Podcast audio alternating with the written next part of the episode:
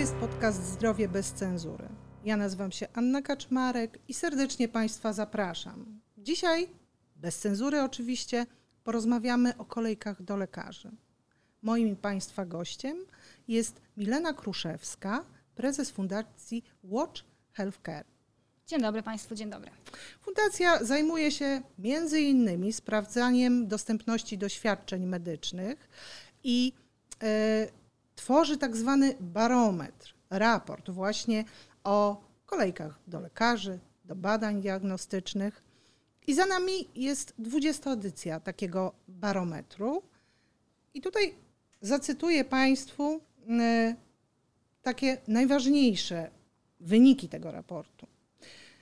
Najbardziej w porównaniu do roku 2019 zwiększyły się kolejki do kardiologa o niemal 3 miesiące, otolaryngologa o 2 miesiące, chirurga dziecięcego prawie 2 miesiące.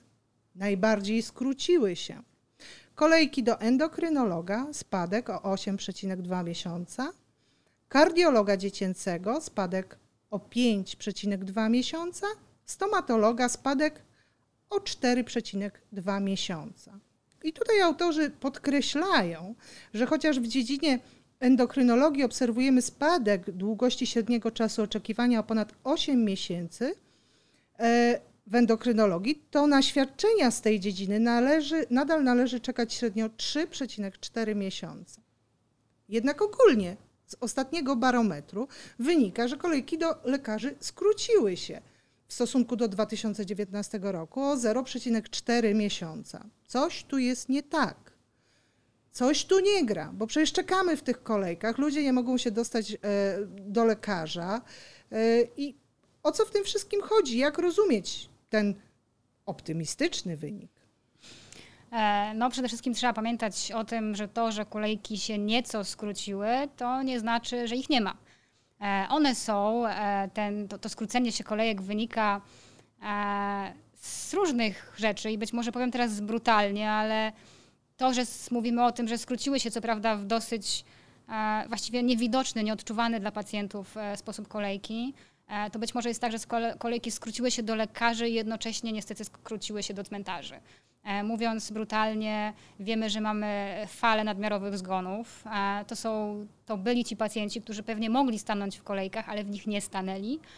E, żeby było optymistycznie, tak jak pani redaktor powiedziała, mogę powiedzieć, że oczywiście część pacjentów przeżyła. To są tacy pacjenci jak ja. Tu mogę powiedzieć, że w tamtym roku rzeczywiście wydarzyła się sytuacja, która myślę też jest dosyć powszechna, czyli moja przychodnia napisała mi SMS-a E, przepraszamy, jest pandemia, odwołujemy pani wizytę ginekologiczną. Mhm. E, obiecano mi oczywiście, że się przychodnia ze mną skontaktuje. To nigdy nie nastąpiło, e, więc nie skorzystałam z tej wizyty. I tak z ciekawostek tak mogę powiedzieć, zachęcając jednocześnie do tego, żeby wszyscy sobie zakładali konto pacjenta. Sprawdziłam, po kilku miesiącach okazało się, że ta wizyta się odbyła według przychodni. To bardzo ciekawe. To bardzo ciekawe, ale zgodnie z instrukcjami na, e, na IKP zgłosiłam to do NFZ-u. NFZ przez kilka miesięcy informował mnie, że sprawdza, sprawdza, sprawdza, bo jeszcze nie ma czasu bez pandemia, aż w końcu dostałam informację, że rzeczywiście, e, rzeczywiście e, przychodnia pobrała pieniądze za wizytę, której nie było. Nie wiem, jak to się skończyło dla przychodni, jak już przychodnie zmieniłam, ale to jednak pokazuje, że takich sytuacji mogło być więcej.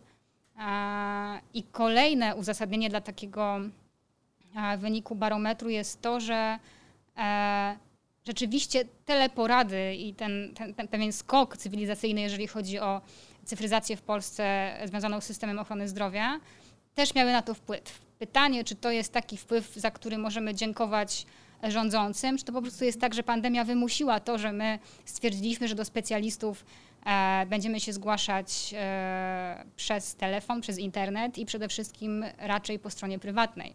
Bo pamiętajmy, że tam po tej prywatnej stronie e, lekarze, specjaliści są bardziej dostępni. Oni tam nie ogranicza ich żaden limit. Po prostu dzwonimy, umawiamy się, jesteśmy, ale płacimy. No tak. Czy to jest e, to ułatwienie, o które nam chodziło przy okazji e, skrócenia kolejek i to w naprawdę bardzo, powtórzmy to, niewielki sposób? To samo możemy powiedzieć przy okazji stomatologii na przykład, która rzeczywiście tam kolejki się skróciły, ale jak jest ze stomatologią? Myślę, że mało kto z nas rzeczywiście korzysta regularnie z wizyt u lekarza dentysty publicznie, a jako, że ta świadomość rzeczywiście społeczeństwa, jestem przekonana, podnosi się do tego, jak ważne są zęby i troska o jamę ustną, po prostu inwestujemy w wizyty prywatne. No, niektórzy pewnie myślą, że w ogóle nie da się w tej chwili leczyć zębów na NFZ. Myślę, że wydaje im się, że ta dziedzina medycyny zupełnie została wyprowadzona gdzieś tam w sferę prywatną. Dzięki tak? czemu mamy krótsze kolejki po stronie publicznej. No tak, ale chyba nie do końca o to chodzi, Oczywiście. prawda? Bo w końcu na coś płacimy te, te nasze składki zdrowotne, które zresztą mają być większe, tak? Tak jest. E, I teraz tak. E, no dobrze. Tutaj mamy takie dane Y, o długości kolejek do poszczególnych lekarzy. Ale czasami tak jest, że y, zanim dowiemy się, co nam tak naprawdę jest, to musimy przejść taką dość długą drogę. Musimy zrobić badania, przejść przez kilku specjalistów. I teraz gdzieś tam trafimy na tego specjalistę, co, co, co jest do niego dłuższa kolejka. Innym razem trafimy, gdzie jest krótsza, tak? Czy ten proces taki diagnostyczny, e, można powiedzieć, no, ustalania po prostu, co nam jest, e, czy on nie jest w Polsce zbyt długi? Zdecydowanie, nawet w środowisku pacjenckim e, zaczynamy to nazywać jako odyseja diagnostyczna, bo rzeczywiście to tak wygląda. Zacytuję tutaj e, słowa profesora Horbana z naszej piątkowej konferencji dotyczącej barometru. E, on powiedział, że kiedy lekarz rodzinny wystawia swojemu pacjentowi skierowanie do lekarza specjalisty, to tak naprawdę wystrzeliwuje go w kosmos. E, I tak to niestety wygląda. Pacjent jest w systemie zagubiony, za długo trwa ta jego odyseja, e, odyseja diagnostyczna, czy też kosmiczna, gdyby powiedział to profesor Horban. E, I podczas naszej konferencji prezes Okręgowej Izby Lekarskiej słusznie mhm. zauważył, że to powinno wyglądać tak, że ten lekarz rodzinny powinien być takim gatekeeperem. Mhm. To on powinien być tym, który kieruje pacjenta, oczywiście odbierając mu te wszystkie obciążenia administracyjne, którymi dzisiaj jest obciążony. E, na przykład w taki prosty sposób, analogiczny do tego, jak to się odbywa w szpitalach, kiedy na przykład Lekarze mają tak zwane kominki radiologiczne, czyli po prostu spotykają się online czy na żywo z radiologami, żeby omawiać zdjęcia pacjentów, bo nie każdy lekarz ma taką samą wiedzę jak radiolog, woli sobie to skonsultować. Oczywiście. Tak samo mogłoby to funkcjonować dzisiaj w dobie e, telemedycyny między lekarzem e, rodzinnym a lekarzem specjalistą i pacjentem, czyli ta trójka może być tak naprawdę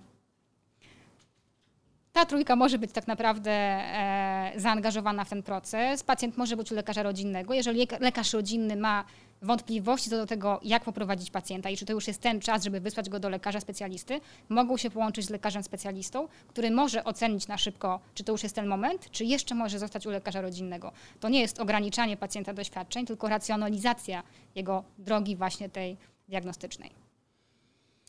E, no właśnie.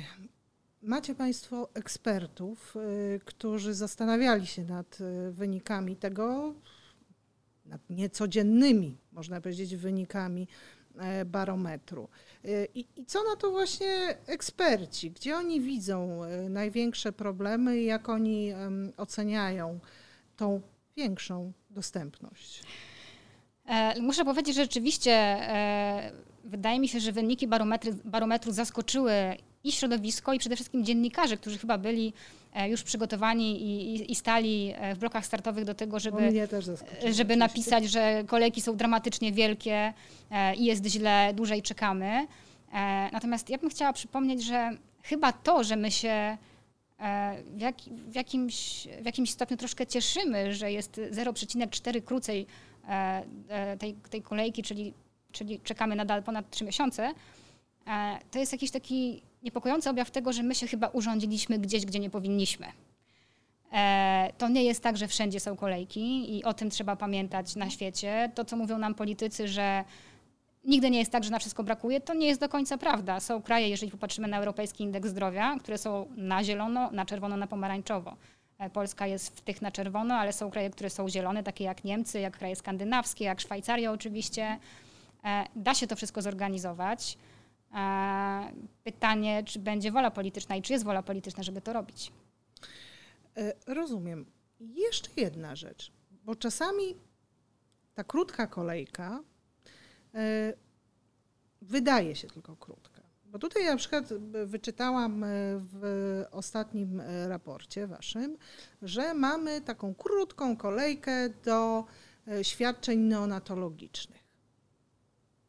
Że ona wynosi tam około dwóch tygodni. No tylko tak sobie pomyślałam, że to jest bardzo złudne, bo y, neonatolog od razu przychodzi mi na myśl wcześniak, tak? mhm. tak? Wcześniak, który na coś czeka dwa tygodnie. Czyli jego mama, jego tata, tak. którzy są w nowej sytuacji.